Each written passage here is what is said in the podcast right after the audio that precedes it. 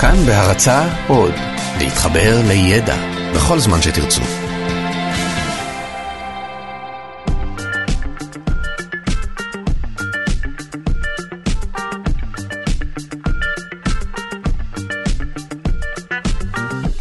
שלושה שיודעים.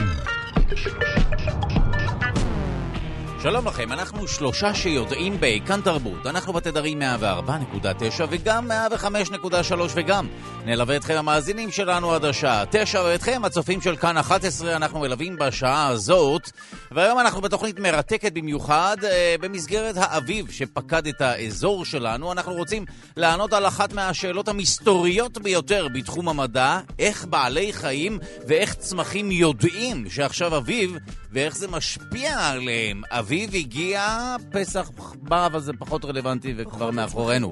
מי שמדברת, אה, אתם כבר שומעים את קולה והצופים כבר אה, יכולים לראות, היא דוקטור יונת אשחר, מומחית בהתנהגות בעלי חיים ממכון דוידסון, הזרוע החינוכית של מכון ויצמן למדע, אז שלום לך. בוקר טוב. ואיתך אנחנו נדבר על האביב והשפעתו על בעלי חיים ועל צמחים. אה, בעיקר נדבר על מנגנונים כמו שעון ביולוגי, גם של צמחים וגם של בעלי חיים.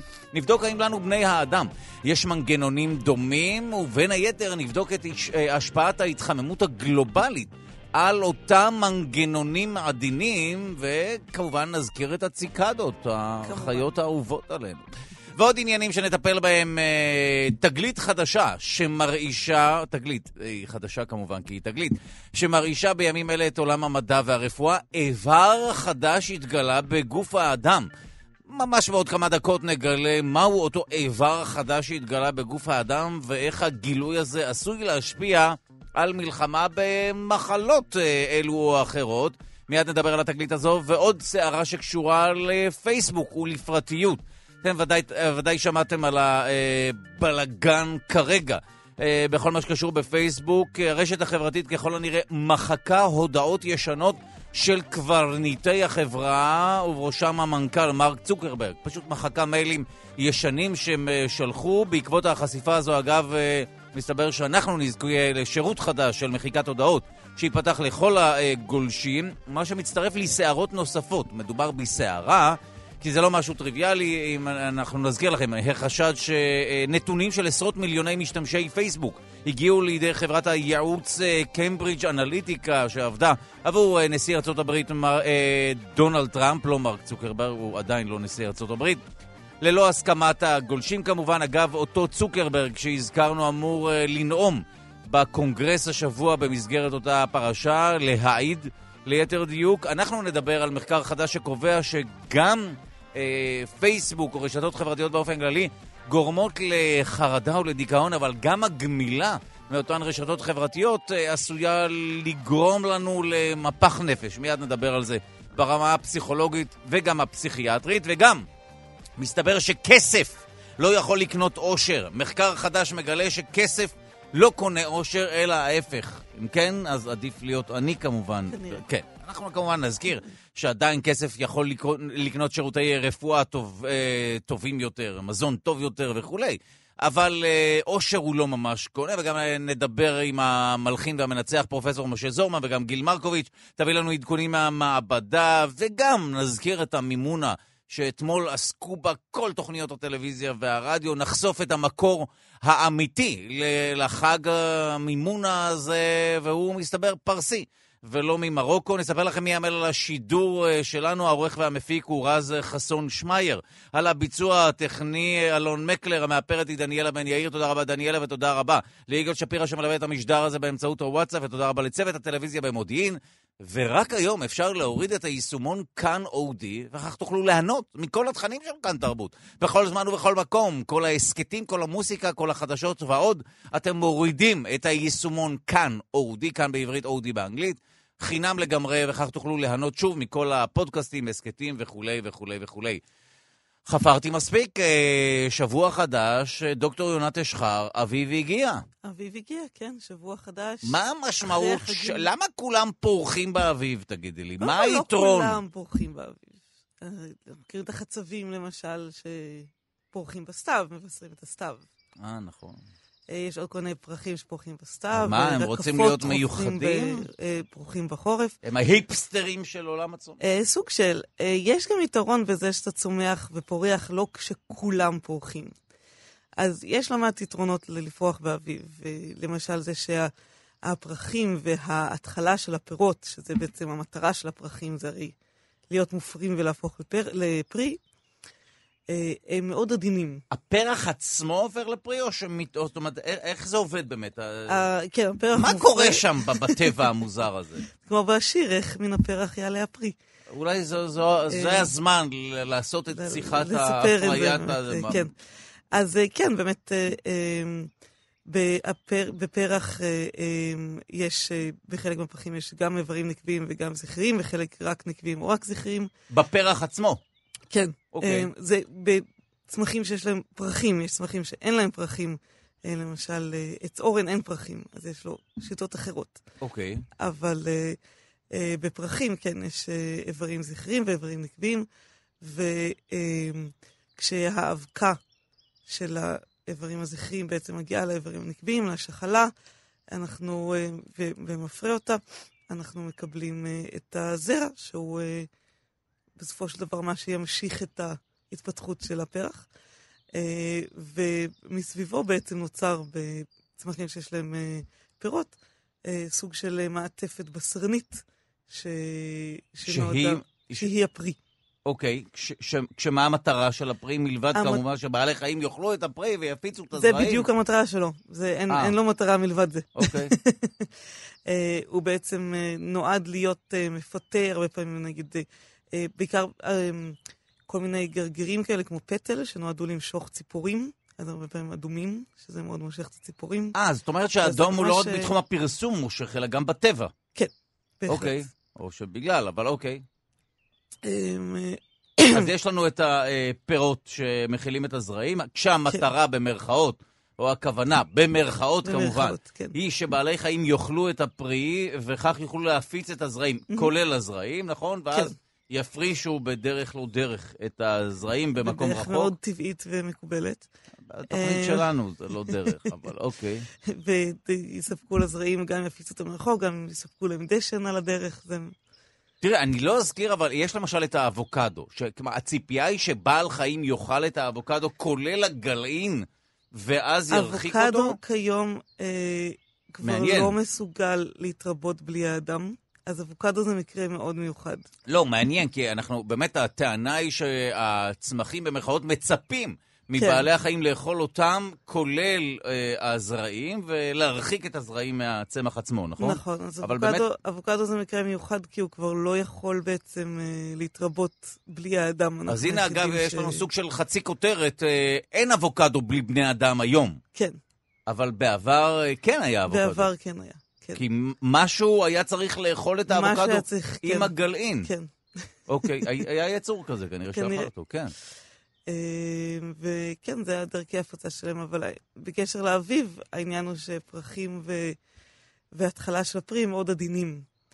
ואנחנו לא, אנחנו לא רוצים, או הצמחים לא רוצים, במרכאות, שיהיה איזה יום אה, מאוד מאוד קר שקרה על הארץ ו... והם כולם יקפאו, או שירד ברד, או גשם חזק. והכול יישטף וייפגע וייפול. אה, והאביב הוא זמן מאוד טוב להתחיל את זה, כי אנחנו יכולים לצפות לימים ארוכים שיש בהם הרבה שמש, שכמובן זה מה שהצמחים במרכאות אוכלים, זה מכאן הם, הם לוקחים את האנרגיה שלהם.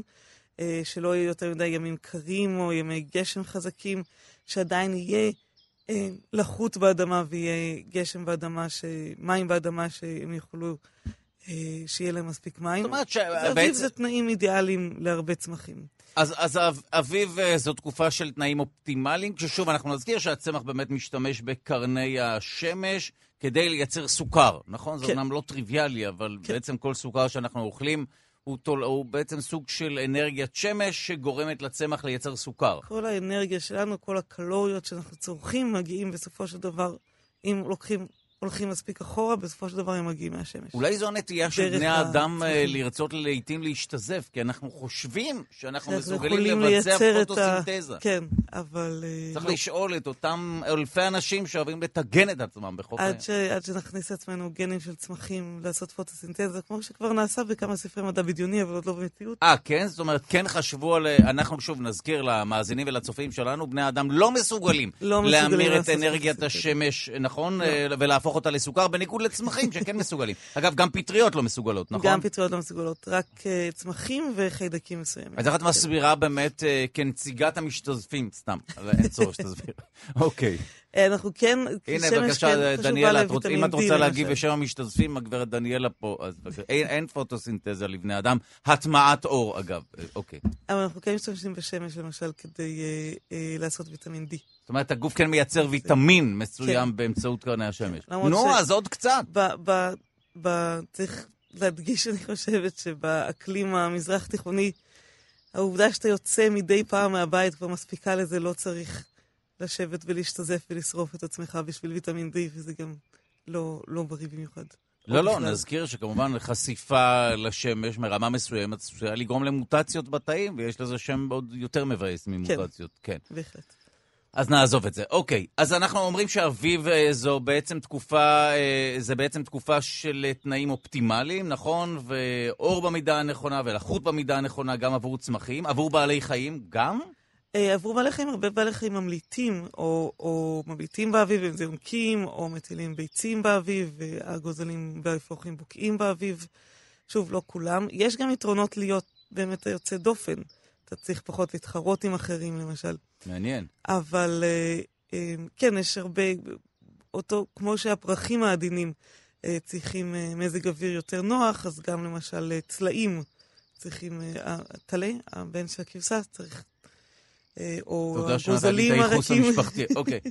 הגוזלים הרקים, האפרוחים הרקים, הם, הם מסתדרים יותר טוב בתנאים... לא חשבתי של- אז רגע, אז בעלי החיים. צריכים לחשוב מתי לעשות במרכאות את, אה, את הילדים שלהם, או את, ה, כן, כמובן. שזה לא צריך להיות מודע, זה במהלך האבולוציה, אלו שלמשל נכנסו לייחום, כלומר, היו מוכנים להיכנס להיריון אה, בחודשים ש, שלפי משך ההיריון יוצא שהוולדות נולדים באביב, הם, ה- הוולדות שלהם היה להם יותר סיכוי לשרוד, וככה התפתח, בעצם התפתחו הרבה מינים, שככה זה מסודר אצלם, שנכנסים לייחום בזמן מסוים, למשל בסתיו או במהלך החורף, ויולדים באביב. אוקיי, וממליטים אז באביב. רגע לפני שניכנס לעומק של השעונים, השעונים הביולוגיים, גם של הצמחים וגם של בעלי החיים, האם, רק שאלה קטנה, האם אה, אביב זו תקופה שגם, שבה אה, בני האדם גם יולדים יותר ילדים? זאת אומרת, זה, זה משהו שגם משפיע עלינו? אז יש שוני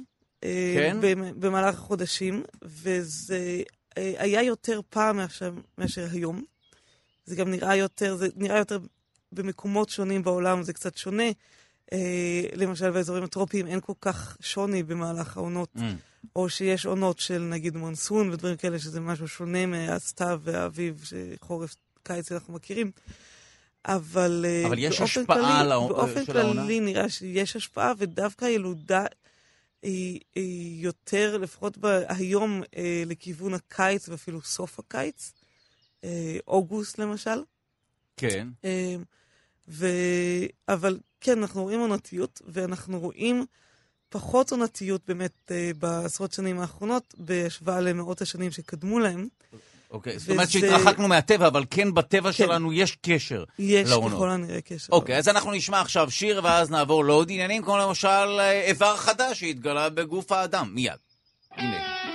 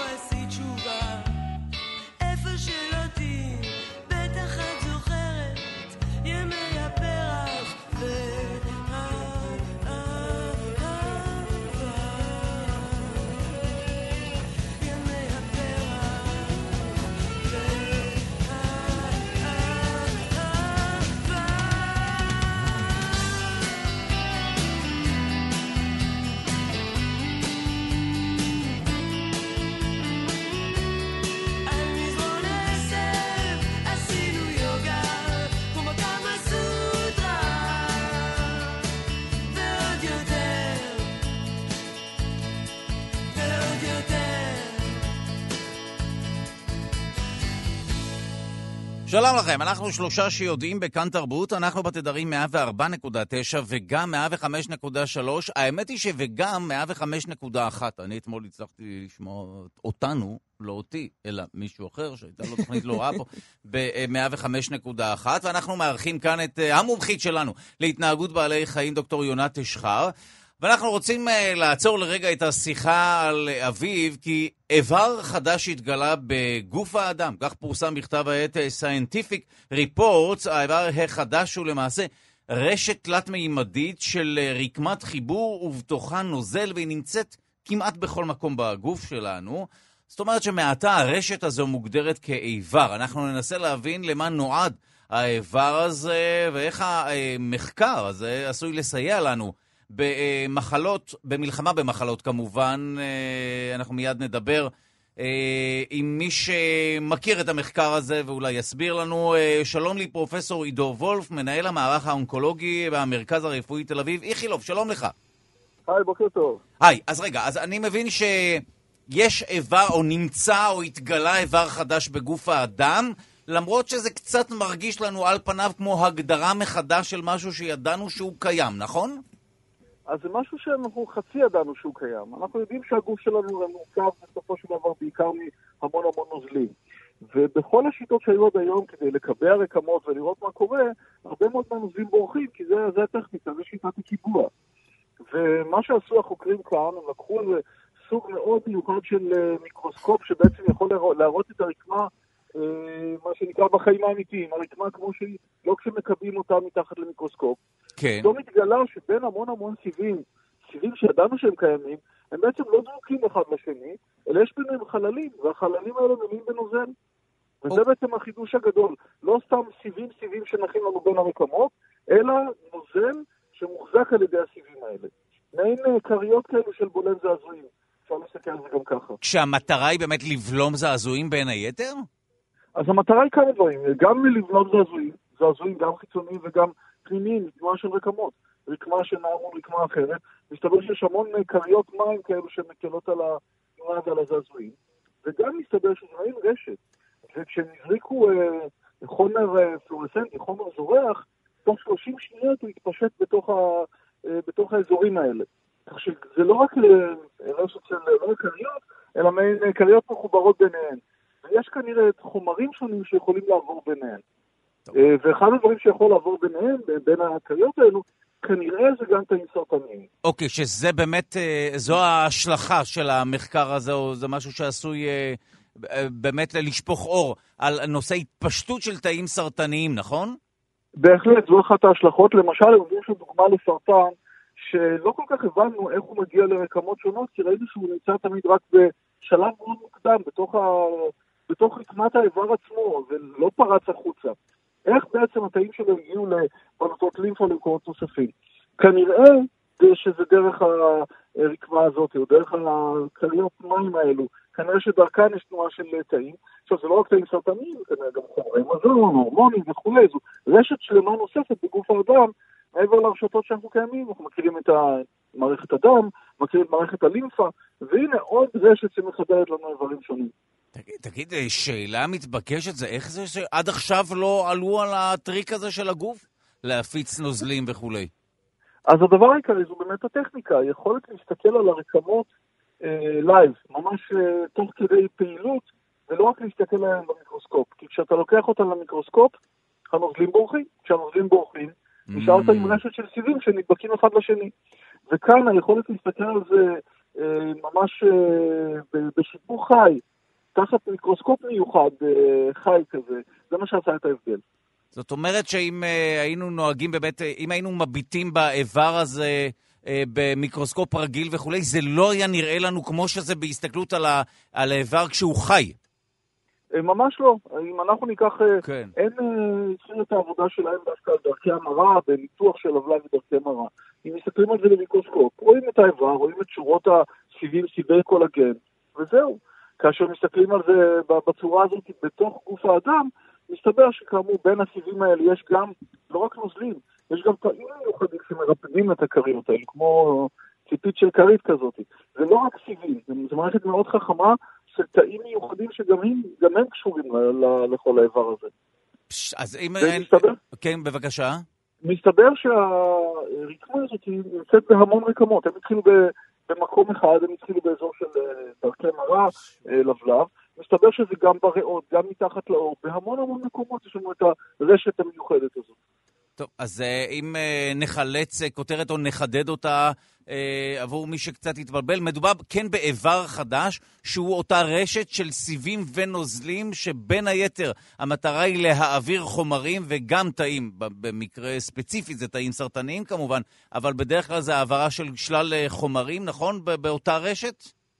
אה, ככה זה נראה, מה כן. שבטוח, עכשיו נפתח פתח גדול למחקרים רבים. פש, גילו וואו. את הכריות, גילו את, את אותה רשת. עכשיו בואו נראה מה באמת עובר שם, אה, איזה חומרים, האם זה... אה, באמת- עכשיו אפשר לפתוח שורה ארוכה של מחקרים אה, שילמדו אותנו הרבה יותר על התפקוד, מה החשיבות של, של האזור הזה, של האיבר הזה כבולם זעזועים באיברים שונים.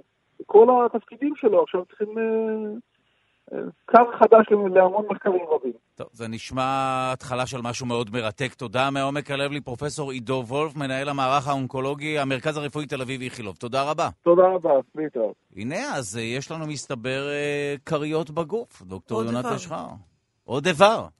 שוב, זו הגדרה. אבל זו לא רק הגדרה מחדש, כפי שאמרתי, כי מסתבר שלא יכולים היו לראות את אותו איבר באמצעים, באמצעים הוויזואליים שהיו אז, והיום, כשאפשר לראות רקמות בפעולה, אז באמת אה, גילו אה, שזה באמת סוג של איבר לכל דבר. כן.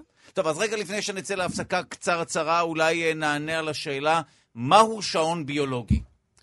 60 שניות. 60 שניות. שעון ביולוגי הוא שעון פנימי, בעצם שנותן לנו מושג על הזמן שעבר באופן מאוד פשוט. איך הוא עושה את זה? אה, זה, זה בעצם היה הפרס נובל ש, של ניתן אה, שנה שעברה, או ניתן השנה בעצם. כן. אה, הוא היה על השעונים הביולוגיים, השעונים הפנימיים, השעונים הצירקדיאנים, שזה שעונים של יממה, שהאורך שלהם הוא 24 שעות, שבעצם סופרים ואומרים לנו אה, מתי אה, עברו 24 שעות, ולפי אנחנו- זה מתי הלילה, מתי היום. אנחנו יודעים כמה זה מסובך לייצר שעון, גם אנלוגי, גם דיגיטלי. איך בטבע נוצר לו דבר כזה? אז השעונים הצירקדיאנים הם, אה, הם מכוונים על זה שיש, כאילו הם מבוססים על זה שיש בעצם חלבון שמצטבר אה, במשך הלילה ומפורק במשך היום או להפך, זאת אומרת שיש, אה, מצטבר באופן, במשך כמה שעות, ואז כשהוא מגיע לאיזשהו סף, בעצם מתחיל פירוק שלו, ואז כשהוא יורד מתחת לאיזשהו סף הוא מצטבר וואו. שוב פעם, וכל התהליך הזה לוקח בערך 24 טוב, שעות. אנחנו מיד uh, ניכנס לשורש העניין או ללב העניין. רגע לפני שנתקדם להשפעתן uh, של הרשתות החברתיות והגמילה מהן uh, על המוח שלנו, אנחנו רוצים להרחיב בנושא השעון הביולוגי. איך, איך העולם הצומח והחי יודע? איך זה עובד הדבר כן. הזה? אז אנחנו יודעים שאצל יונקים, וביניהם גם אנחנו, יש באמת מערכת ששומרת על איזשהו שעון של 24 שעות, מה שנקרא שעון צירקדיאני, שזה בערך יום צירקדיאן.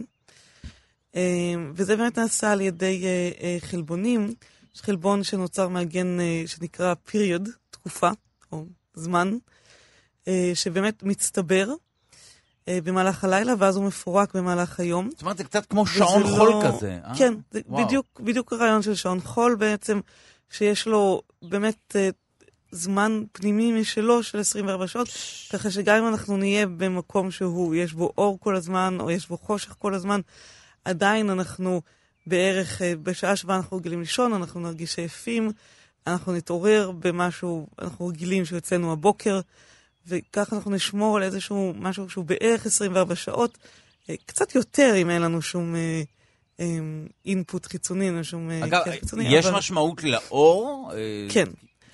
מה שהאור עושה זה בעצם מכוון את השעון הזה. אז אנחנו יכולים לראות את זה בזה שאנחנו, אם אנחנו נוסעים למקום שיש אזור זמן אחר, שאנחנו נוסעים לארה"ב, ויש לנו בהתחלה קצת ג'טלג, כי השעון שלנו לא מסונכרן עם השמש שבחוץ. אז אה, בשלוש בבוקר השעון שלנו אומר, היי, כבר ממש מאוחר בבוקר, צריך לקום, כבר איזה עשר, אחת עשרה, יאללה, קומו. כן. אה, ולעומת זאת, אה, בשתיים בצהריים הוא יכול להגיד, וואי, נורא נורא מאוחר עכשיו, אתם נורא עייפים, לכו לישון. אבל היתרון אבל- בלנחות בארצות הברית זה כמובן שהרעש הזה שאתה מקבל כשאתה בקניות, כן, באמוק של קניות, כן, והאדרנלין מבלבל- של עושה לך. ריסטארט על כל השעון הביולוגי.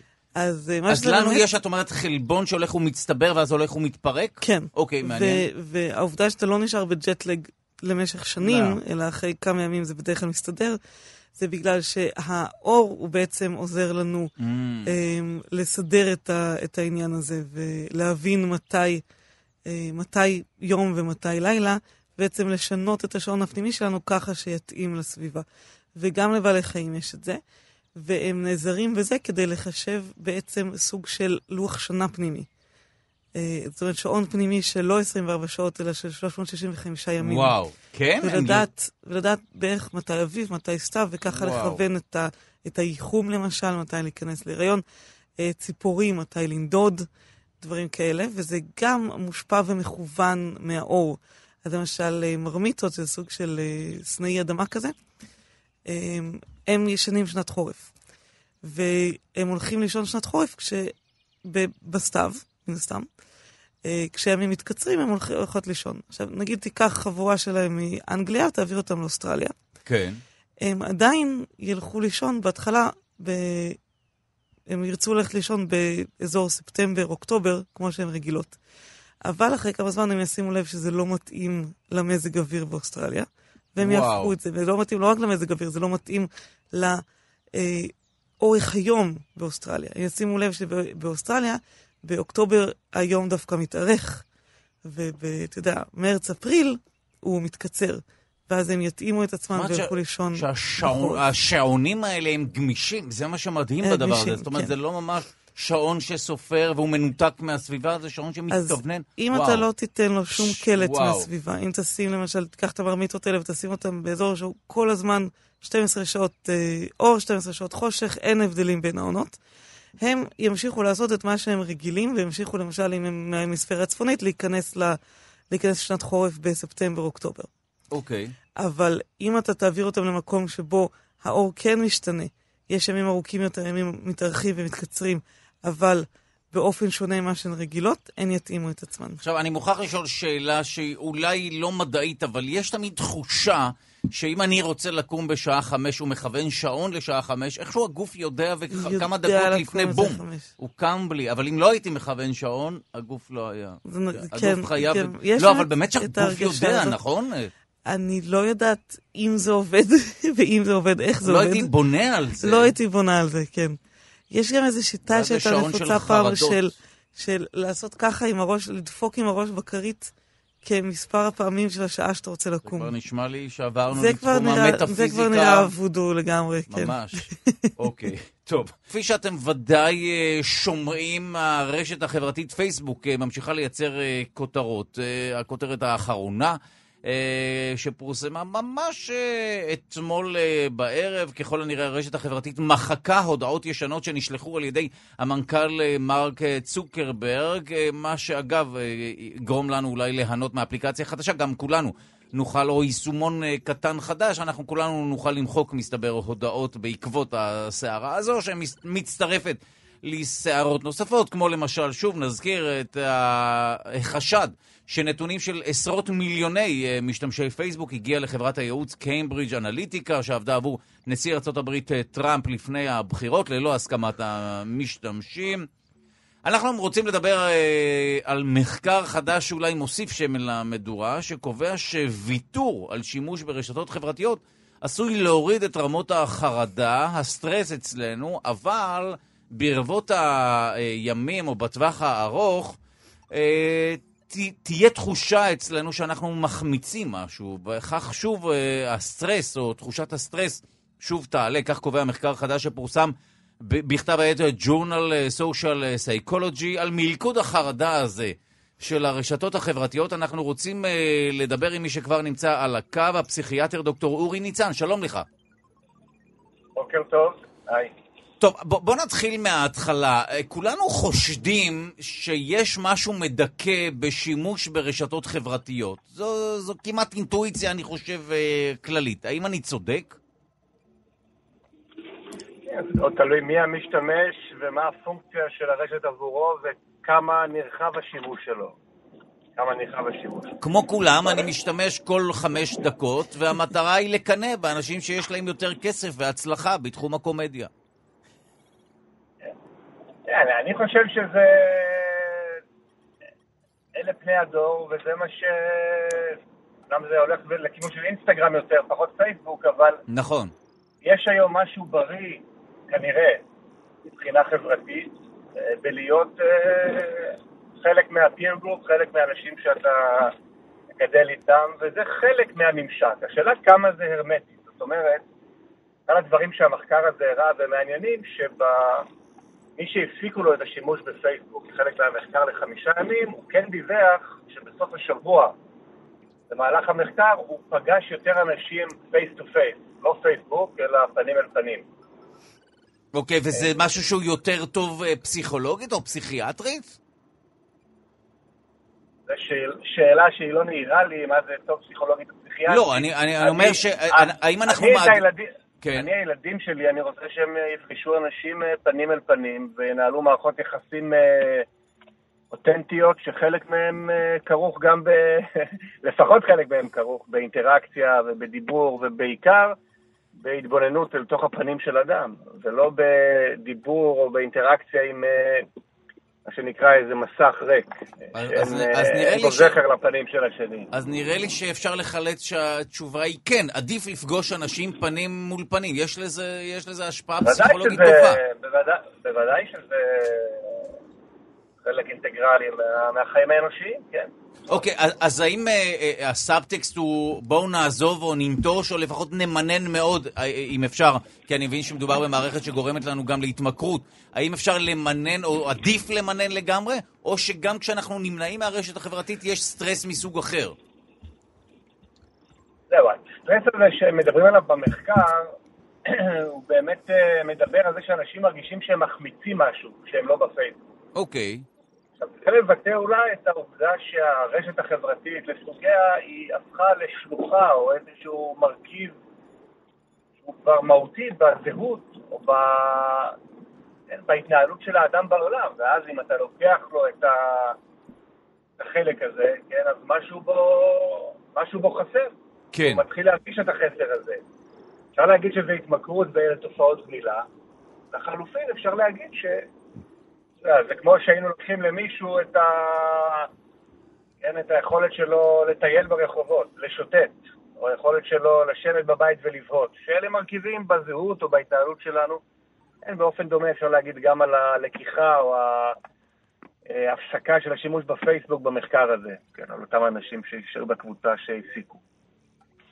זאת אומרת שזה מאוד שיפוטי להגיד שזה רע, וזה בדיוק כמו כל פעילות אחרת שאנחנו מבצעים, השיטוט שם? אולי זה באמת לא כל כך נורא. אני- אמירה גורפת היא, אמירה גורפת, אני חושב, ממה שאני מכיר ושומע מהרבה אנשים אה, על הרשת החברתית, שזה... כל אמירה גורפת כאן היא לא, היא לא תקלה לאמת, זה יותר מורכב מה, מהכן או לא פייסבוק. בדרך כלל מדובר על מינונים ועל... אה, ובעיקר על כמה הדבר הזה משרת או הוא פתרון למצוקות נפשיות, והפרמטר השני, כמה הוא מייצר מצוקות נפשיות, כן? עכשיו אנחנו יודעים ששימוש מוגבר בפייסבוק הוא מעודד הסתגרות חברתית. כן. העניין הוא שבניגוד לשיטוט ברחובות, בתחושה שלי, שוב, אולי אתה, אתה ודאי יודע יותר טוב ממני, אבל יש משהו ממכר בפייסבוק, ופחות בשיטוט ברחובות. הפלטפורמה נועדה למכר אותנו. כן, אבל זה גם נכון לגבי ynet, וזה גם נכון לגבי אורח שוקולד. אתה יודע, אנחנו... השאלה אם ההתמכרות פוגעת בתפקוד, אם ההתמכרות אה, משפיעה על מערכות היחסים שלנו בצורה שלילית, Mm. אם היא מרוקנת אותנו מתחומי עניין ומדברים אחרים בחיים. זאת אומרת, התמכרות זו מילה כן, שהיא... מדברים עליה במובנים היותר אה, פתולוגיים, בעיקר היא נמדדת בכמה היא מזיקה. כן, אחרת יכול להיות מכור ל... ל... ל- ליחסים עם הילדים שלי, וזה בסדר גמור.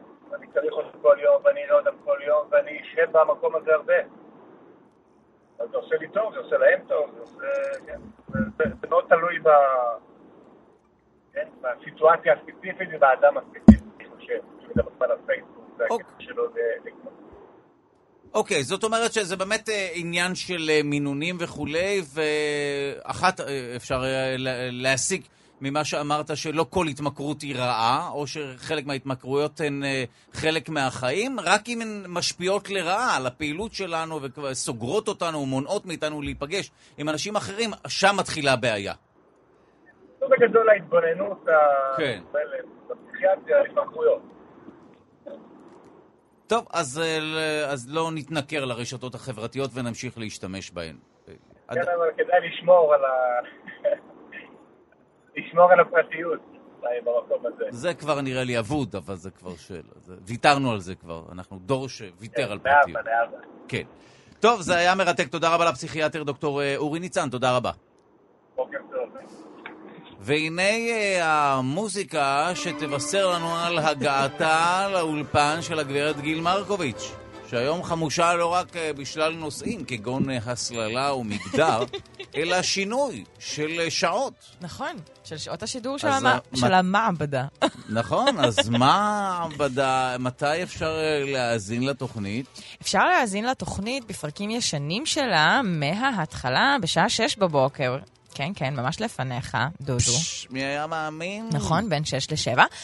והפרקים החדשים ישודרו בשעה אחת בצהריים. הם בעצם השידור ימשיך בשעה אחת, ומי שפספסה או פספס את הפרקים הטובים והישנים של המעבדה, יוכל פשוט להאזין להם ב-6 בבוקר, או באתר שלנו on demand, כי נו, בחייאת. מי ער ב-6 בבוקר? רגע, באת לקדם שעה ואת משמיטה את הקרקע מתחת, אז לא להקשיב לה? כי הציבור תקשיב- השתכנע? ש- תקשיבו, פשוט אה, יש, יש אפשרות גם באחת וגם בשש. להפך, אני נותנת לך יותר הזדמנויות להאזנה במהלך אבל היום. הרגע השמטת את הקרקע מתחת להאזנה בשביל... חלילה, חלילה, אני רוצה on demand, on demand. להעלות את אה, השולט על הרדיו, מר ליאור אברבך, שיטפל בך, בך. אוקיי, אז רגע, במה אתם אה, עוסקים, או? חלילה עוסקות? עוסקות, עוסקות. ודאי, תמיד חוקרת. לא נכון. תמיד אה, רק... אה, היה אצלך גם חוקר גבר? היו. תפסיק כבר, אתה יודע טוב מאוד על מה את שהיו. מדברת? זה קונפליקט שאין לו שום ביסוס. אוקיי. דוקטור חגית לרנאו אה, התיישבה אצלי... זה גבר. כן, חגית זה שם שמאוד נפוץ. לגברים בתקופה כן. שלנו. והיא אה, התיישבה, היא גם נוהגת לקרוא לעצמה היא, היא אוהבת את זה ככה. אז היא אה, הגיעה אליי לדבר ארבעה פרקים על איך התפתח התחום של מחקר קרימינולוגיה. כלומר, המחקר של הפשיעה והענישה. וזה מעניין מאוד. ממש מעניין. ממש מגניב. כי זה ממש השתנה גם לאורך השנים. קודם כל, זה תחום יחסית חדש, זה לא משהו מאוד ישן, ב- במונחים אה, אז היסטוריים. תני לנו אולי באמת כמה תובנות חדשות מתחום הקרימינולוגיה, מה חדש? זהו, אז אני לא יודעת להגיד לך מה יהיה הדבר הבא או מה חדש. אני כן יכולה להגיד לך שיש לפחות ארבע תיאוריות מאוד מאוד מאוד משמעותיות ב- בחקר, בחקר הקרימינולוגיה, מעניין. שכולן עדיין ממשיכות להתהוות ולהשפיע על איך שאנחנו תופסים ותופסות את התחום הזה ואת האחריות, או את, ה, כן, את האחריות שאנחנו אה, מטילים על מי שביצע את העבירה. אז למשל, הכל התחיל בתיאוריה הקלאסית, שהניחה את התשתית למה שהיום נראה לנו מאוד מובן מאליו. למשל, החירות לפעול. אני מניחה שאם אתה ביצעת פשע, אז כנראה שבחרת לבצע אותו. יש שם בחירה מלאה, בחירה חופשית מלאה. צריך שתהיה כדי שתהיה אחריות פלילית. אני נכון, אומר, כן. ובדיוק כך אפשר להטיל אחר, אחריות פלילית, וגם אמ, זה, זה כמובן מדבר על העונש, הוא מוביל אותנו להבין מה תהיה הענישה, כי אם בחרת להפר את החוזה החברתי או את הסדר החברתי והרוגע החברתי, אז יש לזה איזושהי אחריות וענישה וכולי. שזו עוד גישה, אגב, שכולנו ביחד כרתנו סוג של ברית לא כתובה כזו, כן. שאנחנו מצייתים לחוק ולא פוגעים אחד בשני. נכון, אז התיאוריה הקלאסית כן. קצת מסתמכת על מה שהרגע אמרת, על ההסכם החברתי הזה, האמנה החברתית ש, של כולנו, שכולנו חתמנו עליה, והתיאוריה הקלאסית מניחה עוד דברים שנראים לנו היום כמובנים מאליהם, כמו הליך הוגן, אה, ענישה מידתית, כלומר לא להעניש יותר מדי אה, לעומת מה שנעשה, העבירה שנעשתה, וגם לא להעניש מעט מדי, אה, וכולי וכולי וכולי. שיפוט ללא משוא פנים, השופט צריך שלא יהיה לו ניגוד עניינים, הוא צריך לא להכיר את מישהו, מי שנמצא אה, מולו בבית המשפט בדיון המסוים. אבל לא תמיד הבחירה היא רציונלית, וזאת אחת הביקורות שהעלתה מחשבות אחרות על איפה, איפה עוד אפשר למקם את העבירה. אז אולי זה לא רק בבחירה החופשית, איפה זה עוד יכול להיות. ואז הגיעה תיאוריה אחרת, שהיא הגישה הפוזיטיביסטית, והיא אומרת שממש כמו ברפואה, כשיש איזושהי בעיה בגוף או איזושהי מחלה ואנחנו רוצים לדעת איך לטפל בה, ככה זה גם בפשיעה. אני מניחה שאם פשעת, יש לך איזושהי בעיה, משהו לא עובד נכון, משהו בגוף, משהו פיזיולוגי ממש. מאוד נאיבי. אה, כן, אני יודעת. כן, אבל הגישה הפוזיטיביסטית שינתה לחלוטין את, דר, את דרכי העונש, אם נחשוב על זה. כי אם אני מניחה שזה שאתה חוזר על העבירה, אגב, הגישה הפוזיטיביסטית מתייחסת בעיקר לעבריינים ועברייניות חוזרות, כן? אנשים שזאת הפרנסה העיקרית שלהם. אז... כשאני מתייחסת אליך ככה, כאדם מעניין. שפושע בגלל איזושהי בעיה שיש לו אה, בגוף, או במוח, או בגנים, או משהו כזה, אז הדרך שבה אני אתייחס אליך בטיפול היא שונה. לא בטוח טובה. אפשר להיזכר בתפוז המכני, יכול להיות שהוא קצת, אה, קצת מה? יכול... לא, הסרט התפוז המכני כן, בטח. מראה איך הטיפול הוא מאוד פיזי, הטיפול זה אה, באיזה... שם, נכון. כן, ה- הטיפול ב... גם מחדירים לו דברים לעיניים, וגם משמיעים לו את בטהובן, את, את הסימפוניה שהוא כל כך אוהב, ועושים לו איזו התניה חדשה. הכל כאילו עובד על ההבניות שלו במ- במוח ועל הפיזיולוגיה שלו, זה, זה מעניין. והגישה שאחר כך אה, מבקרת את הגישה הפוזיטיביסטית ואת התיאוריה הקלאסית, אומרת, כן. רגע, אבל מי שם את כל האחריות על פשע רק באדם שמבצע את העבירה? מה לגבי החברה? ולמה התיאוריה הקלאסית התעוררה? הרבה בעקבות מיפוי של פשע. ואחרי שמיפו את הפשע בשכונות ובאזורים, במדינות, ראו שיש ממש אה, ליבות, מרכזים, טבורים של פשע. השאלה אם יש קשר סיבתי וכולי, אבל אוקיי, זה זה מעניין. נכון, אבל התיאוריה הסוציולוגית רואה קשר סיבתי. היא טוענת שאם אתה חווית במהלך חייך, בכל הילדות שלך, הרבה מאוד פשע סביבך, או ראית אנשים מתנהגים בצורות מסוימות, אתה כנראה תלמד מהם. או שיש כאלה שממנפים את זה הפוך, ודווקא יוצאים. מהמקומות האלה. זאת אומרת, נכון. כל אחד לוקח את זה למקומות אחרים. יכול להיות, אני חושבת שאם נעשה מספור, אם נעשה את זה אמפירית וניקח את המספרים ונראה. אני חושבת שרוב האנשים לא מצליחים לעשות את ההופכי, אלא אלה שעושים את ההופכי זה אלה שאנחנו שומעים עליהם רק כי זה מאוד סקסי ומעניין לשמוע, אבל Mm. נדמה לי שרוב האנשים הם דווקא יותר מוס... הנה, אני אגיד את המילה שאתה כל כך... מוסללים לגבריות ופמיניזם. אגב, למה הגישה, למה הגישה הסוציולוגית כל כך חשובה? היא הסתכלה על בתי הכלא ואמרה, רגע, אבל 99, 99 אחוזים מהכלואים, מהכלואים, מה... מהאנשים שביצעו עבירות והגיעו לבתי הכלא הם גברים. איך זה יכול להיות? מה? רק כן, גברים... עוד סיבה להיפטר מהגברים, You said that. אתה אמרת את זה. עוד סיבה לשנוא גברים. וגם מיעוטים אתניים היו שם, כן, סליחה. לא, לא, זה מעניין, אנחנו, אבל לכן אנחנו, את יכולה להישאר כאן אני יכולה, השעה אני הבאה? לא בטוחה שעוד יש לי הרבה לא במה. להעשיר אותך. אני בטוח שכן, ולו מתוך שיחת חולין שתשאירי אותנו. אז נכון. אתה יודע איפה עצרנו? עצרנו בגישה הסוציולוגית, שהיא אומרת שאי אפשר להסתכל על העבירה כמשהו שרק העבריין עצמו עושה אותה, אלא צריך להתבונן גם בסביבה שלו ובמה הבנה אותו להיות כזה, ואיזה התנהגויות הוא ראה במהלך החיים. כששוב, אני מכיר את הגישה הזו, כולנו מכירים אותה, ותמיד זה קצת, את יודעת, אז זה לא כאילו, אומר שזה מסיר 100% אחריות. בחברה. לא נכון, כי זה לא אומר שזה 100% בחברה. שוב, אני רוצה להגיד כאן משהו מאוד מאוד חשוב. כשאנחנו מדברים על קרימינולוגיה, אנחנו מדברים על אה, שני אלמנטים מאוד חשובים. אחד, זה הפשיעה עצמה, המעשה עצמו, וזה תמיד להישאר ב... להגיד רצחתי כי כשהייתי ילד הרביצו לי, אחי, לא, אבל זה אל לא מה תרצח. שהגישה הסוציולוגית אומרת. הגישה הסוציולוגית אומרת, נכון, יש אחריות, ומי שיש לו אחריות על העבירה, ימשיך לקבל את, העונש, או לפחות את ההליך שהוא צריך להיות בו, נוכח בו, בבתי המשפט, במ- במערכת המשפט. יחד עם זה, חשוב להביא בחשבון את הצד השני, שזה גזר הדין, זה הענישה. כשאני מסתכלת על אדם שרצח, ואני רוצה שאחרי שהוא ירצה את עונשו, הוא גם יחזור ויהיה אדם שאפשר לשלב אותו בחברה מחדש, באופן שהוא יהיה טוב גם לאדם עצמו, לעבריין אה, שחוזר לחברה, וגם לחברה, אז אני, אם אני מביאה בחשבון את הגישה הסוציולוגית, אני מתבוננת בדרכי שיקום על החזרה שלו לחברה, ואני מביאה בחשבון את ה, מה שנקרא, במרכאות אני אגיד, רפואה מונעת. איך אני יכולה להפחית פשיעה? איך אני יכולה מעניין. ללכת לאותן שכונות עכשיו- ולתת טיפול אה, האמת אמיתי? ששאלה שעולה, אני משער, בתחום הענישה, היא איך הרשתות החברתיות אה, משפיעות על נושא השיקום. כי בניגוד למה שהיה בעבר, היום כבר יודעים הכל על כל אדם. ו... ויש, הרי לצד המנגנון השיפוטי הרגיל, יש עוד מנגנון, והוא פוסטים Mm. של ההמון וכולי, וזה משהו שעשוי להשפיע. וגם נכון. אה, נראה זה- שיש זה פחות נכון, זה סלחנות להיות. לאסירים שריצו את עונשם וכולי, עדיין לא בפייסבוק חרטה, כולם... אה, כולם אשמים, זה ת- תלוי במה שבא לגולשים. זה נכון, יש הרבה משפטי שדה. כאלה ואחרים שאנחנו יכולים אה, לפגוש בהם, אבל אה, זה לצערי משהו שעוד לא התגבשה לגביו מספיק אה, ספרות ומספיק מחקר, אז אי אפשר להגיד שה, שהעולם של הקרימינולוגיה מביא בחשבון באופן מסודר, כן. עם מחקר אמיתי, את ה- את הטענה שלך, שהיא באמת מעניינת וכדאי לבדוק אותה.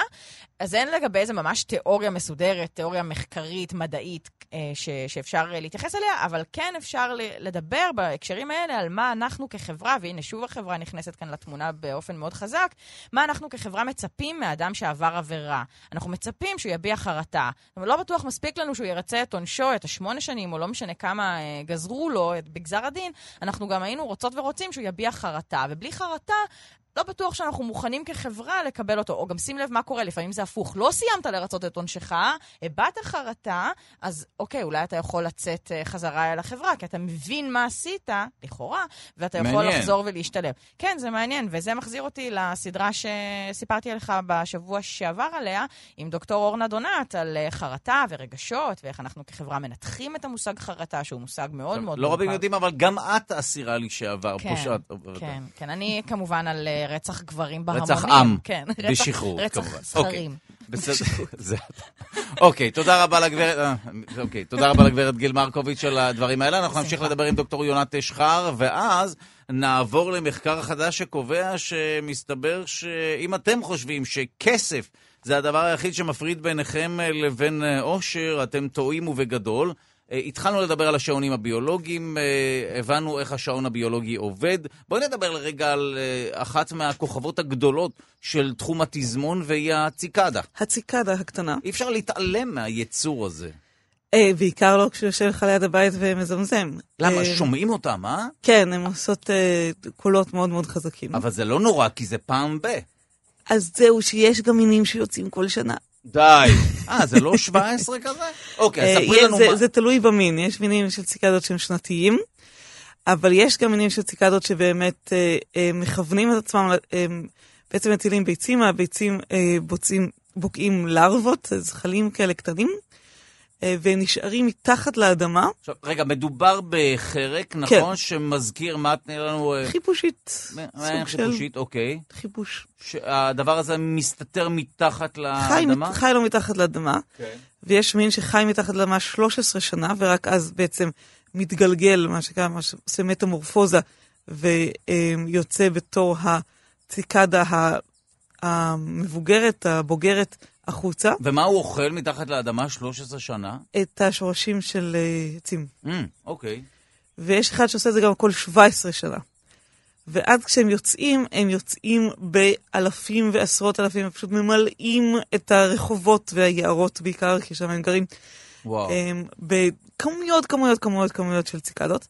והרעיון הוא שהם בעצם עושים סוג של uh, overwhelming, הם כאילו עושים, מציפים את, ה, את הטרופים שלהם, כי פשוט הטרופ, הציפורים למשל, וכל מה שאוכל חרקים, הם פשוט כאילו, הם לא יודעים מה נפל להם פתאום מהשמיים, הם באושר כאילו פסיכי בכלל, כי יש כל כך הרבה ציקדות, והם וואו. אוכלים ואוכלים ואוכלים ואוכלים ואוכלים ואוכלים ואוכלים, אבל כמה אתה כבר יכול לאכול?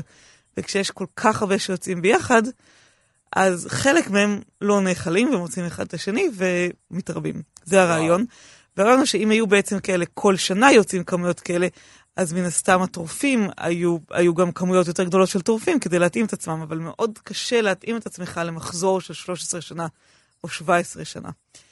אה, ולכן אה, אין מספיק בעצם טורפים שיטרפו את כל הציקדות האלה. זה כנראה הרעיון במרכאות שמאחורי היציאה רק כל 13 או 17 שנה.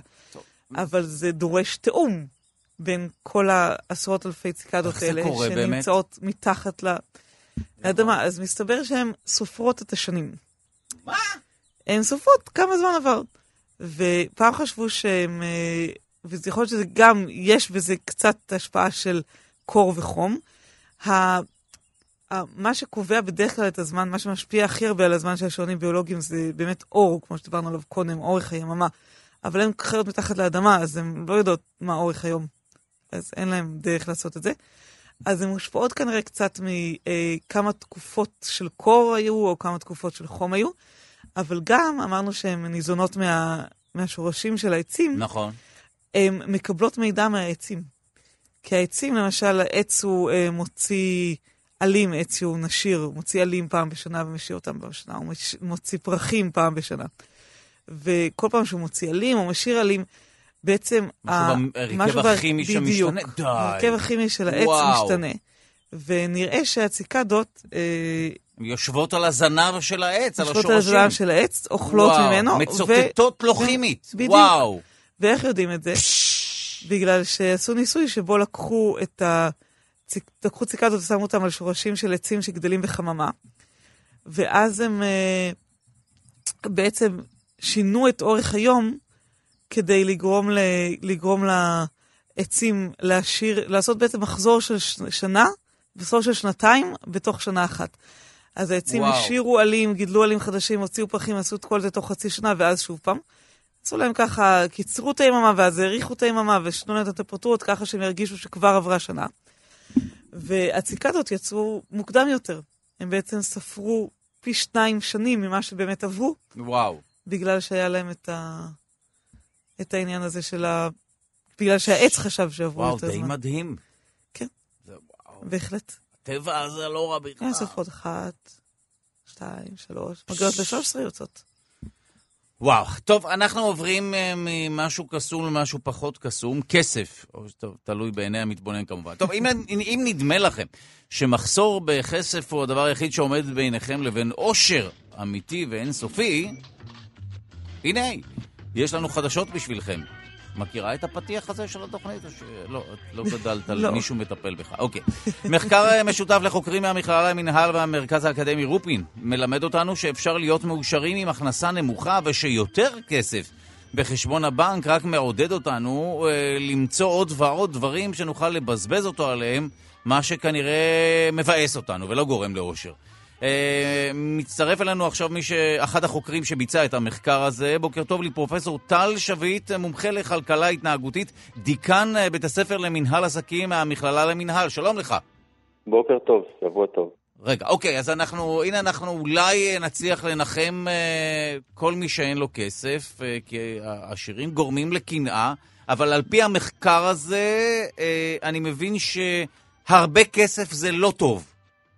תראה, זה כבר שורה של מחקרים במשך תקופה ארוכה, גם שלנו וגם של אחרים, שהראו שכסף אה, גורם לאושר, אבל עד סכום מסוים בעצם, זה די מוגבל, והוא לא הגורם היחידי ובטח לא הגורם הכי משמעותי. אה, אנחנו במחקר עכשיו שעשינו, אה, הוספנו לזה בעצם עוד נדבך, וגם רצינו לבדוק איך הסתפקות במה שיש לך ואיך חומריות בעצם משפיעים על האושר.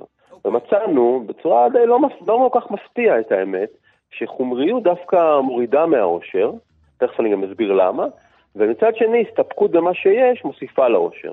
זאת אומרת שיכול להיות בן אדם שמרוויח עשרת אלפים שקל בחודש ויודע לחיות עם זה טוב, ומסתפק במה שיש לו, והוא מאוד מאושר, ואדם אחר שירוויח 50 אלף שקל בחודש ולא יסתפק במה שיש לו, ותמיד ירצה עוד ועוד, והוא יהיה פחות מאושר. אם אני אנטרל את כל הדברים האחרים מסביב. לכן הכסף, מה שאנחנו מדברים על הכנסה, כל השאלה היא שאלה בכלל סובייקטיבית. איך אני רואה את ההכנסה שלי ואם אני מסתפק בהכנסה שלי. עכשיו, ההסברים הם מאוד פשוטים. אחת הבעיות היא שאנחנו נורא מהר מתרגלים. אם אני עכשיו אוסיף לך על המשכורת, אתה תהיה מאוד שמח בהתחלה, אבל מאוד מהר תתרגל לחיות עם ההכנסה החדשה שיש לך. וכשאנחנו מתרגלים, אז האושר שלנו חוזר להיות במקום שהוא היה לפני. אה, לעומת זאת, כשאתה הולך וקונה דברים, נגיד שאתה קונה איזשהו בגד, וזה עושה אותך נורא נורא שמח, אבל אחרי יומיים, שלושה, שבוע שאתה לובש אותו, הוא כבר לא משמח אותך יותר. לכן כל החומריות הזו וכל הקניות והשופינג וכל הדברים שאנחנו עושים כל הזמן ורוצים עוד ועוד ועוד, אנחנו לא שבעים מהעוד הזה. זאת הבעיה. ולכן זה לא בהכרח עושה אותנו יותר מאושרים שיהיה לנו עוד ועוד ועוד ועוד. מצד שני, חיים מאוזנים, חיים בריאים, חשיבה אחרת, כן, חשיבה יצירתית, כל אלה דברים שכן מייצרים אושר. עבודה, עבודה יצירתית, הרבה מאוד גורמים, משפחתיות, אה, חברתיות, כל הדברים האלה מייצרים אושר, וזה לא דברים שקונים בכסף. ובעצם המחקר שלנו אה, הוכיח שכל הנושא הזה של הכסף, אם ניקח אותו שלב אחד קדימה על מה אנחנו עושים עם הכסף, שזה נורא נורא נורא סובייקטיבי. בעצם אנחנו קוראים לזה סוג של פילוסופיית חיים. אני לא יכול להגיד לך אם נולדנו ככה, יש אנשים שנולדו כשהם מסתפקים במה שיש, או זה עניין של חינוך. אני מניח שזה שני הדברים ביחד. כן. אנחנו יודעים שאושר הוא גם 50% גנטי. ו, אה, וזה בעצם הסיפור, זה הסיפור של הכסף. הכסף הוא, הוא, הוא מייצר אושר עד מגבלה מסוימת, וההסתכלות על הכסף היא נורא נורא נורא סובייקטיבית. טוב, אבל כמובן לא מדובר באותו מינימום, כי אה, אני משער שהחל מדור ה-Y והלאה, ברגע שכל אדם אה, אה, נולד כאן עם סוג של חוב של אה, שני מיליון שקלים לרכישת דירה, והוא כן צריך לרכוש אותה, או לא משנה, או לגור בשכירות, זאת אומרת, כן עשוי להיווצר סטרס סביב הצורך הבסיסי בכסף, למחיה בסיסית. אנחנו מדברים כאן במחקר הזה על באמת, על רמה מסוימת של כסף והלאה, נכון? זה נכון ולא נכון, כי מצד אחד, בוא נגיד בחברה המערבית, ההכנסה יותר אה, משמעותית. אבל יש מדינות, אתה רואה בדירוג המדינות בעולם, כן. כן, את הקשר בין אה, אה, התל"ג למשל, לבין מדד העושר. אנחנו אגב במקום 11 בעולם, וזה מאוד מאוד גבוה, בטח ביחס לתוצר שלנו, ובטח ביחס לכל מה שקורה כאן. אבל בגדול אתה רואה מדינות שמדורגות נגיד בעשירון השלישי מתוך 150 מדינות, שהן הרבה יותר עניות ממדינות שמדורגות ב- בעשירון החמישי או השישי. וזה אומר שגם מדינות שהן לא עשירות, כמו מדינות במרכז ודרום אמריקה למשל, אה, אפשר להיות מאוד מאושר גם כשאתה לא מרוויח הרבה.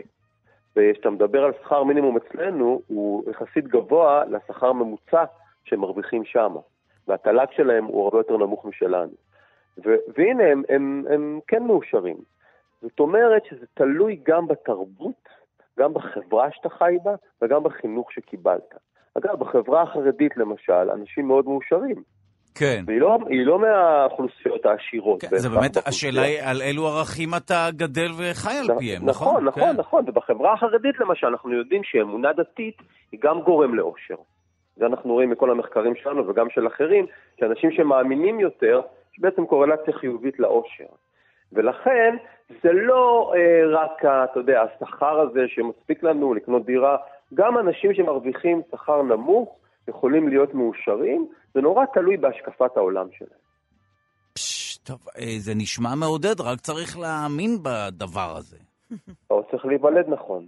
אה, כן, גם וגם. טוב, אה, אה, זה- זו בטח נחמה, אבל לא רק. באמת שכן אפשר ללמוד מה- מהמחקרים האלה בקשר לאיך נכון לחיות, אני חושב. נכון, באמת- ואנחנו נמשיך לחקור, וכשיהיו לנו כן. תוצאות נוספות, נשמח לדבר שוב. טוב, תודה רבה לפרופסור טל שביט, מומחה לכלכלה התנהגותית, דיקן בית הספר טוב. למינהל עסקים, המכללה למינהל. תודה רבה. דוקטור יונת אשחר, מומחית בהתנהגות בעלי חיים ממכון דוידסון, נמצאת איתנו כאן, והנה למדנו באמצעותה שיש ציקדות, אה, חרקים, אה, שנמצאים מתחת לאדמה שנים ארוכות, והציקדות מצוטטות אה, לצמחים.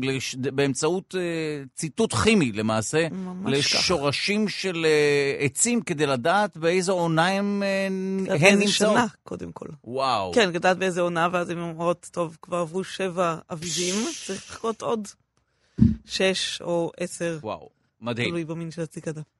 ממש עוד מעט אה, נדבר על ההשפעה של ההתחממות הגלובלית על השעון הביולוגי של בעלי החיים אה, ושל הצמחים, אבל עכשיו אנחנו עוברים לפינה, אתם שואלים, הקתדרה למוסיקה עונה, והנה נשלוף מקערת הגלויות שלנו גלויה. הנה אה, גלויה של נדין לוין מירושלים. נדין שואלת, איך מלחינים הערבים מתארים בצלילים את עולם המזרח? שלום למלחין, למנצח ולזוכה פרס לנדאו לשנת 2017 בתחום המוסיקה הקלאסית, פרופסור משה זורמן, שלום לך. בוקר טוב, דודו. אז אנחנו בעקבות המימונה שחגגנו אתמול בפאר ובהדר, החלטנו, כיוון שאינני מומחה גדול במוזיקה מרוקאית, להרחיב קצת את היריעה ולחשוב על איזה על, על פרויקט אחר או משימה אחרת, להסתכל בעין מעניינת על הסיפור הזה של היחסים מערב ומזרח משני הצדדים ואיך זה משפיע מבחינה מוזיקלית על מלחינים, מה עושה מלחין שרוצה לנצל בעצם מוזיקה מתרבות שונה לחלוטין, ואיך הוא מכניס את זה לתוך היצירות שלו. יש יצירות קלאסיות באמת שספגו אה, מוסיקה שהיא מהמזרח? כן, יש השפעה כזו, נכון? יש השפעה כזאת, בייחוד בתקופה שבה אנחנו בעולם אימפריאליסטי מערבי, נכון, המאה ה-19, שהמלחינים מנסים לנכס כל מיני סאונדים או תבניות מזרחיות כדי להעשיר את ה... ולצבוע את היצירות שלהם. אז מה רוצה מלחין בעצם, מלחין מערבי שיושב באנגליה או בפריז, מה הוא רוצה לקחת מהמזרח? הוא רוצה לקחת קודם כל את האקזוטיקה המזרחית, שאין לו בלונדון. הוא רוצה לקחת רומנטיקה ומסתורין של נשים שמסתתרות מאחורי צעיפים, והוא רוצה גם לקחת את ה... לכאורה האכזריות והברברית של עולם לא מתורבת, שמתבטאת בצילים לא מעודנים כל כך, כלי הקשה וכולי, שמקורם לא יכירם ככה בעולם המוזיקה הקלאסית. אז יש לו מה שקרוי הצדקה להכניס לתוך התזמורת הסימפונית כל מיני סאונדים שאחרת הוא לא היה מכניס אותם. אני רוצה להראות לך כמה דוגמאות מתוך העולם הזה, ואז ללכת למלחיני המזרח ולהגיד מה הם מקבלים מהמערב, שזה עוד יותר אפילו מעניין וקצת לא מוכר. אוקיי. Okay. אז בואו נתחיל מה, מה, מה, מהדוגמה הראשונה, שמשון ודלילה של סן סאנס. אופרה מאוד מפורסמת של המלחין הצרפתי קמיל סן סאנס, שמדבר בעצם על סיפור ידוע של אהבתם של שמשון ודלילה. מה עושה מלחין צרפתי בשנות ה-80 של המאה ה-19 כדי שהוא רוצה לתאר את השוק של עזה? אם אתה זוכר, הסיפור מתרחש בשעריה של עיר עזה, שמה חוגגים העזתים את ניצחונם על בני ישראל ואת לכידתו של שמשון, ובאמצע החגיגה הגדולה יש מה שקרוי בקחנליה, חגיגת יין ומשתאות וכולי. מה לוקח מלחין צרפתי? הוא הרי אין לו מושג על המוזיקה שנשמעת בעזה. הוא לוקח כל מיני קונבנציות. הדבר היחיד שהוא לוקח, הראשון שהוא לוקח כמובן זה הסולם המזרחי. מה זה סולם מזרחי? המ- המקם המזרחי. והוא בונה מנגינה כזאת, נורא מפורסמת.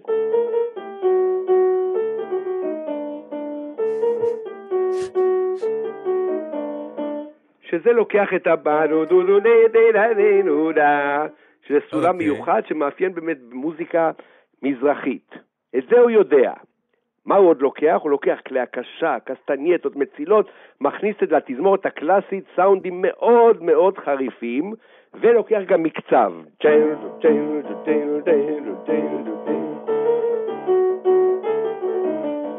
ולפתע, בפריז, באופרה צרפתית, בוקעים הצילים מתוך השוק של עזה, הבקחנליה מתוך שמשון ודלילה. בואו נשמע, וואו.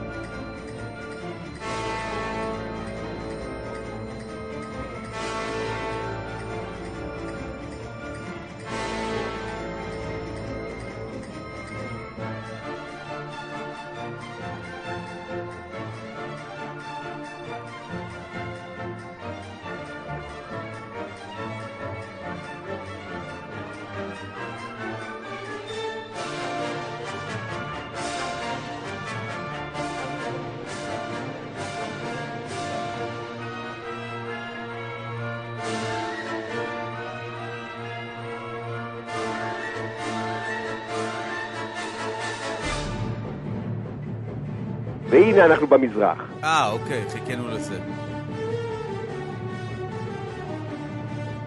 אז למה הלחינו את אלאדין מחדש? אפשר לגנוב את זה.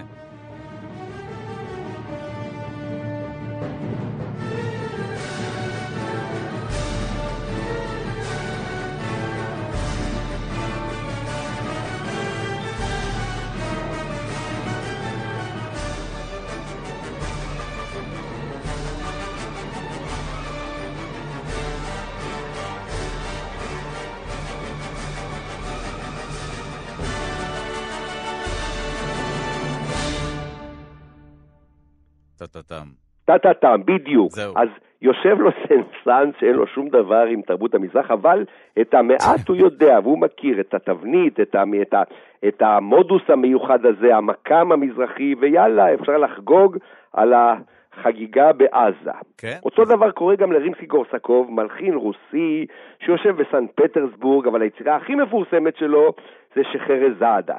שמספרת אה. בעצם את הסיפור של אותה נסיכה מופלאה, שבמשך אלף לילה ולילה סיפרה סיפורים לנסיך, ה- ל- למלך האכזר, כדי למנוע אותו, מ- להוציא אותה להורג, ושחרזאדה מביאה אותנו לשוק של בגדד, שם איזה קולאז' של צילים מתוך השוק, לוחמים, רקדנים, סוחרים, כל זה נכנס לתוך כמה צילים מתוך היצירה אולי המפורסמת ביותר של רימסקי קורסקוב של חרזאדה. שוב, מלחין מערבי מנסה להתעלק על התרבות המזרחית. אוקיי. שוק של בגדד.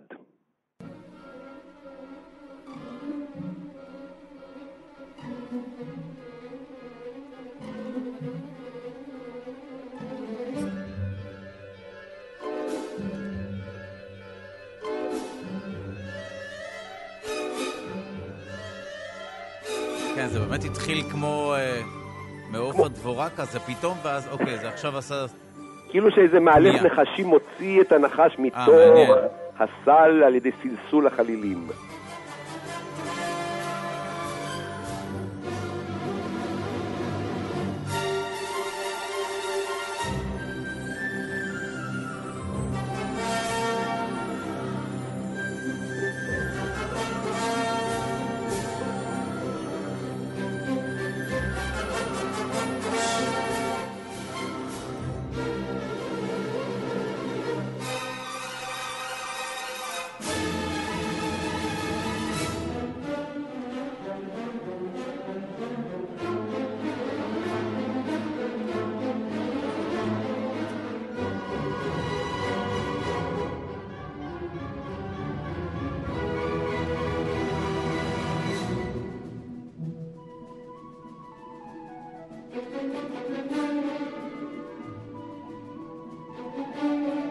אבל זה אה, באמת יפה לשמוע איך מגוון של דברים אה, עולה זהו, זה, זה. מין קולאז' כזה כן. של כל מיני סאונדים, שאיכשהו נורא מתאים לרעיון של רימסקי קורסקוב.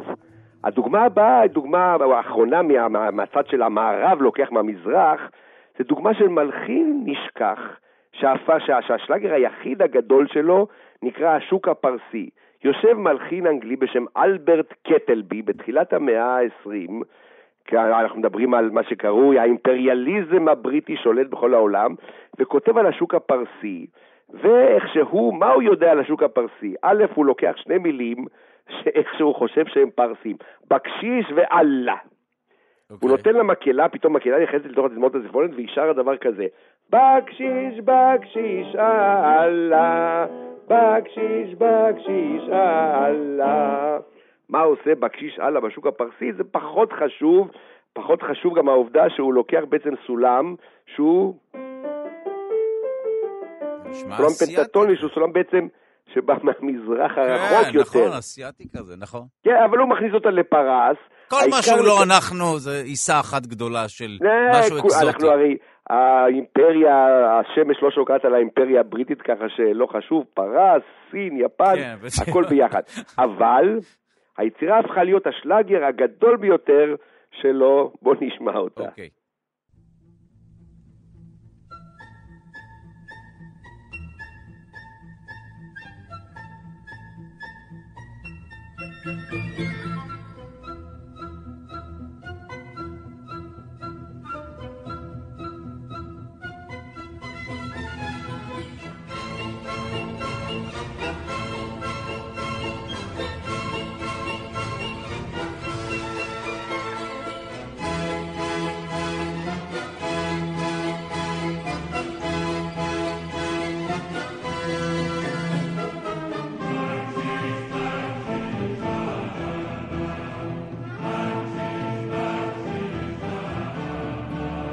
בקשיש הלאה. בקשיש אללה, הבנת? אבל, אבל זה באמת מצחיק שבאמת תרבות המערב מתייחסת לכל תרבות אקזוט, כאילו אה, ערבוב של כמה תרבויות, כל מה שהוא לא אנחנו הוא עיסה אחת גדולה של משהו אחר ואקזוטי. הודי, מזרחי, יפני, הכל אותו דבר. הכל אותו דבר, והכל כדי להעשיר את העולם של הצילים שלך, שהוא מאוד אירופאי, נכון. מהודק ומהוגן. אבל מה שיותר מעניין זה בואו נהפוך את נקודת המבט ונראה מה עושים המוזיקאי המזרח כשהם רוצים לאמץ משהו מהמוזיקה של המערב. זה הרבה פחות מוכר. מעניין. עכשיו, שמה קורה משהו שהוא מה שקרוי קצת בעייתי. המלחיני המזרח או מוזיקאי המזרח מתבטלים לחלוטין מפני הגדולה של מוצרט, בטהובן, באך וכולי, לוקחים יצירות מפורסמות, ואיכשהו מוסיפים להם קצת כלי הקשה מזרחיים, וקצת איכשהו מייצרים איזה קולאז', אבל לא מעיזים לגעת במוצרט או בבאך ומשאירים אותו. יש כמה דברים מאוד מעניינים שנגיע אליהם. בואו נראה איך נשמע מוצרט בקהיר. לוקחים את הפתיחה של החטיפה מן הארמון, שזה אופרה של מוצרט, משלבים בתוכה כמה מוואלים מזרחיים, והרי לך מוצרט בקהיר, עם החטיפה מן הארמון של מוצרט. רגע,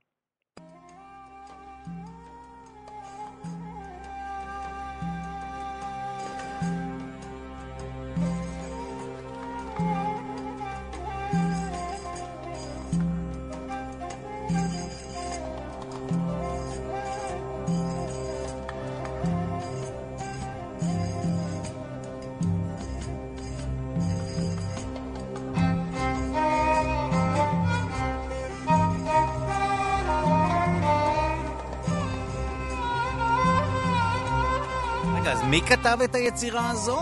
רגע, שנייה, תכף תשמע. אוקיי. מוצרט.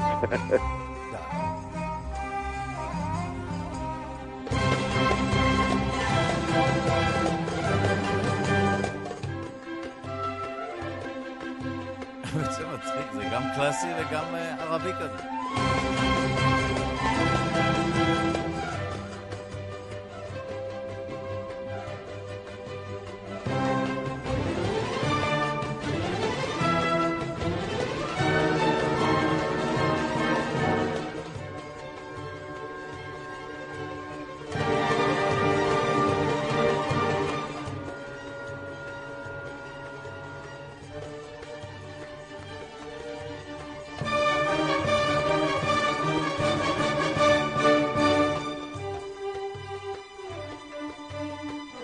בקיצור, לוקחים את מוצרט, מוסיפים לו דרבוקה, ובהתחלה איזה נאי או משהו, איזה כלי מזרחי, ויאללה, שולחים אותו לחלל האוויר. זאת אומרת, אין בעצם עבודה של הלחנה פה רצינית, כן. אלא איכשהו ניסיון לקחת, להרכיב, כיוון שהדרת הכבוד בפני מוצרט היא כזאת שיאללה, לא צריך שום דבר. האם זה אה, עבודה, מה שקורה הלחנה רצינית? אני לא יודע. בואו נשמע עוד קטע עוד יותר אה, בעייתי בתחום הזה. לוקחים את הסימפוניה 40 של מוצרט, הגרסה הטורקית.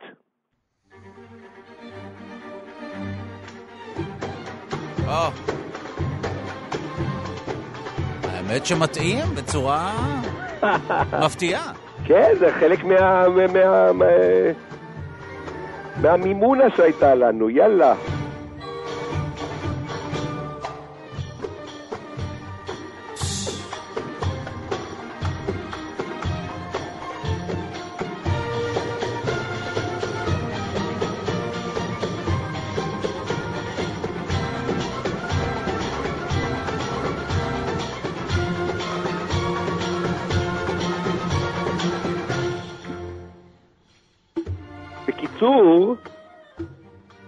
הרבה עבודה אין פה. כן. אתה שם כמה מנגני כלי הקשה ואומר להם, יאללה, נגנו, והתזמורת מנגן בעצם את מוצרט כמות שהוא. אבל אני רוצה להראות לכם בכל זאת, כדי להראות שיש גם ניסיונות רציניים יותר. כן. יש ניסיון אחד אחרון שהייתי רוצה להראות לכם במפגש של מזרח מערב, פרויקט שנקרא למברנה. למברנה זה שם של עיר במדינת גבון באפריקה המערבית.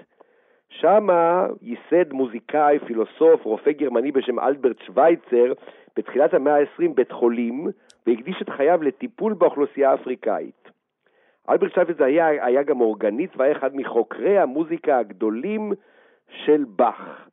בשנות ה-90 יצא לאור איזה פרויקט שמנסה לאחד את כל העולמות של אותו אלברט שווייצר, שהיה איש מופלא, איך אתה מאחד ביחד את, התחוש, את התשוקה של אלברט שווייצר לבאך ולמוזיקה שלו, ביחד עם הצילים מהתרבות האפריקאית של גבון. כאן כבר עבודה הרבה יותר רצינית, שים לב איך אפריקה פוגשת את באך. למברנה.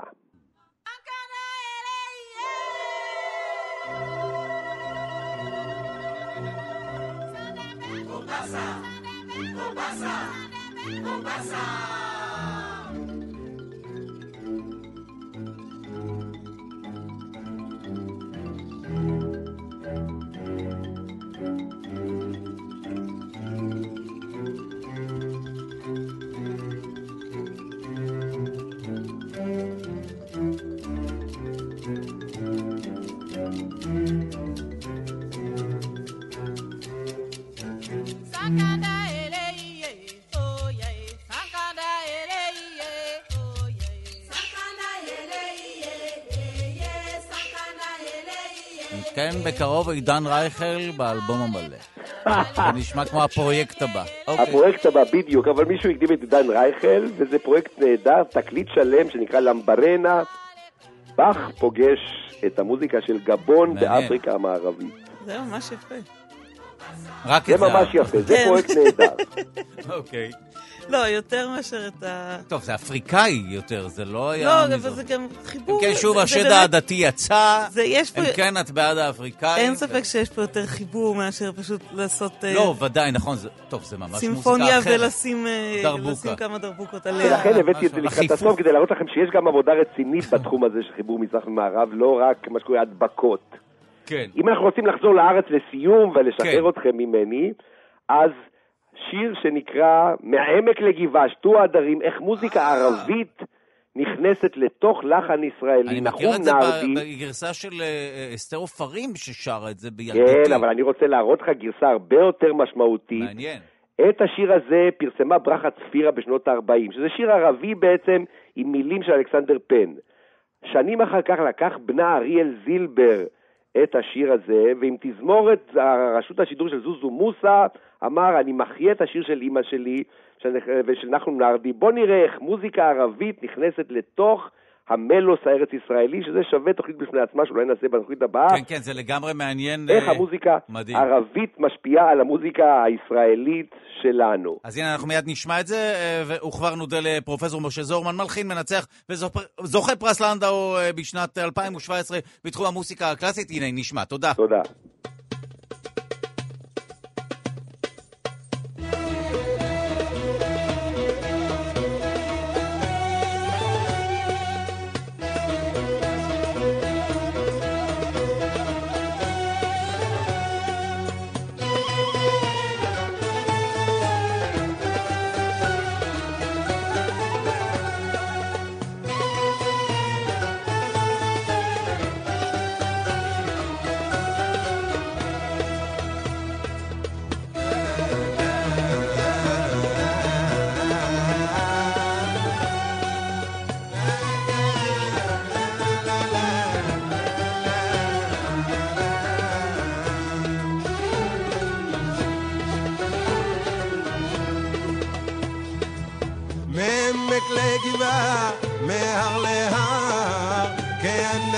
הסתיו, גולשים בסדר, עדרי הצאן ושיר להם השער.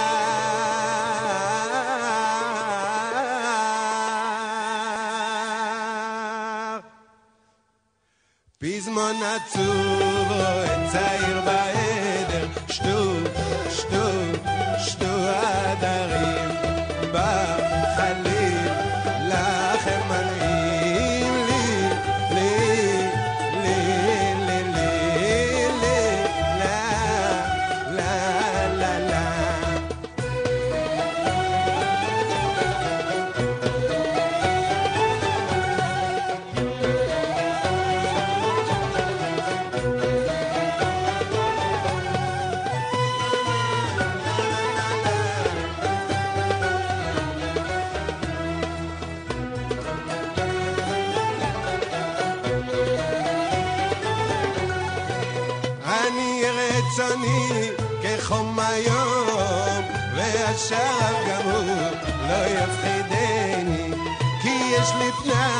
פנאי לשבת ולחלום.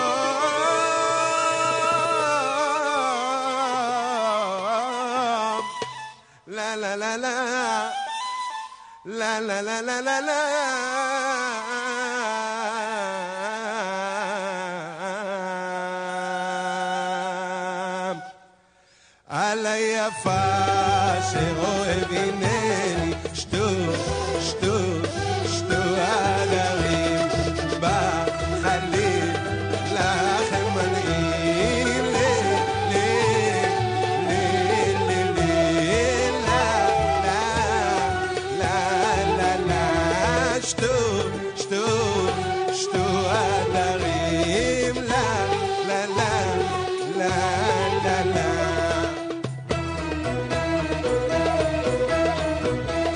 לכם, אנחנו שלושה שיודעים בכאן תרבות. אנחנו בתדרים 104.9 וגם 105.3 וגם נלווה אתכם המאזינים שלנו עד השעה 9. והיום אנחנו בתוכנית מרתקת שעוסקת באביב.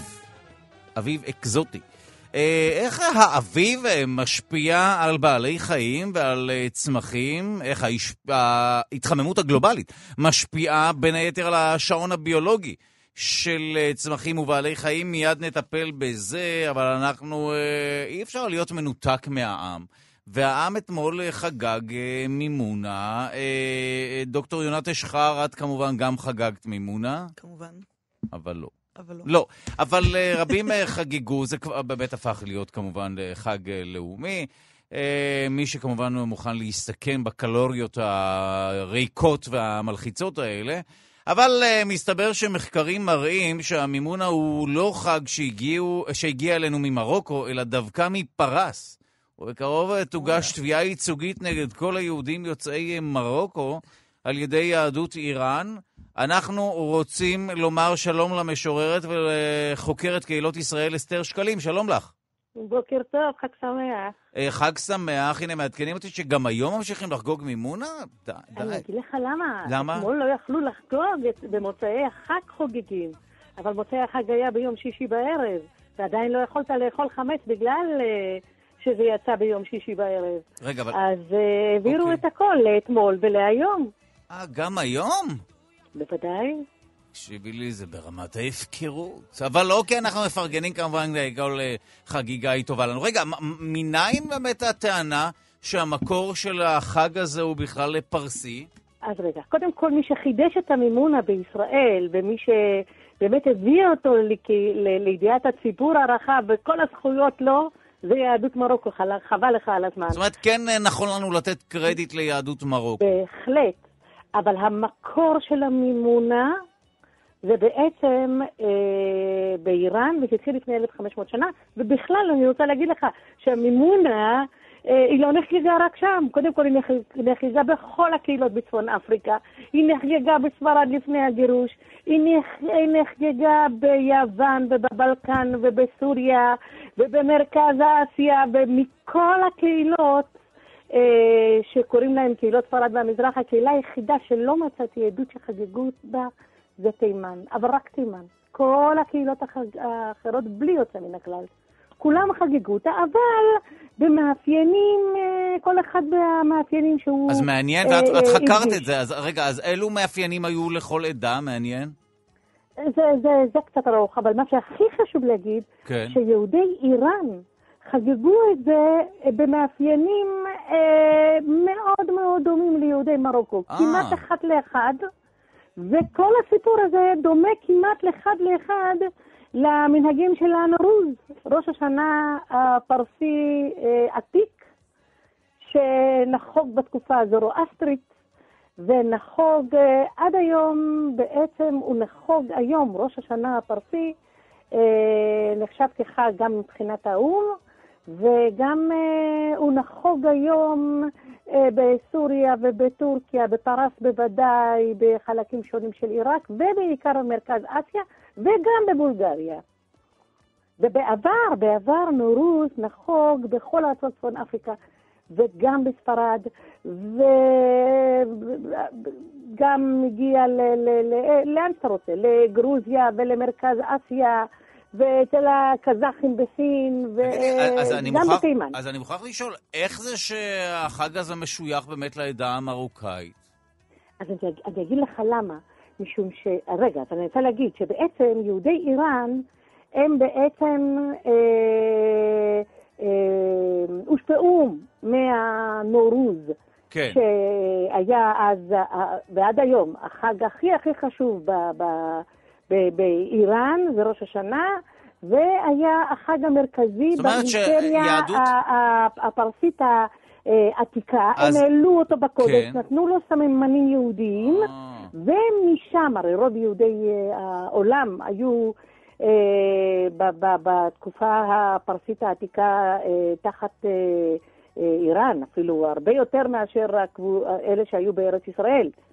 ואחר כך, אה, עם, עם כיבושי האסלאם, היהודים עוברים מבבל ואיראן לכל האורך, לכל עם כיבושי האסלאם, ומגיעים לצפון אפריקה, ומגיעים כמובן לספרד, והחג נודד איתם, וגם הנורוז אגב, נוח, אה, אה, או נחגג גם על ידי אז המוסלמים. בעצם אנחנו חוגגים ו- את ראש השנה הזורואסטרי. לא, אנחנו לא חוגגים בכלל את זה.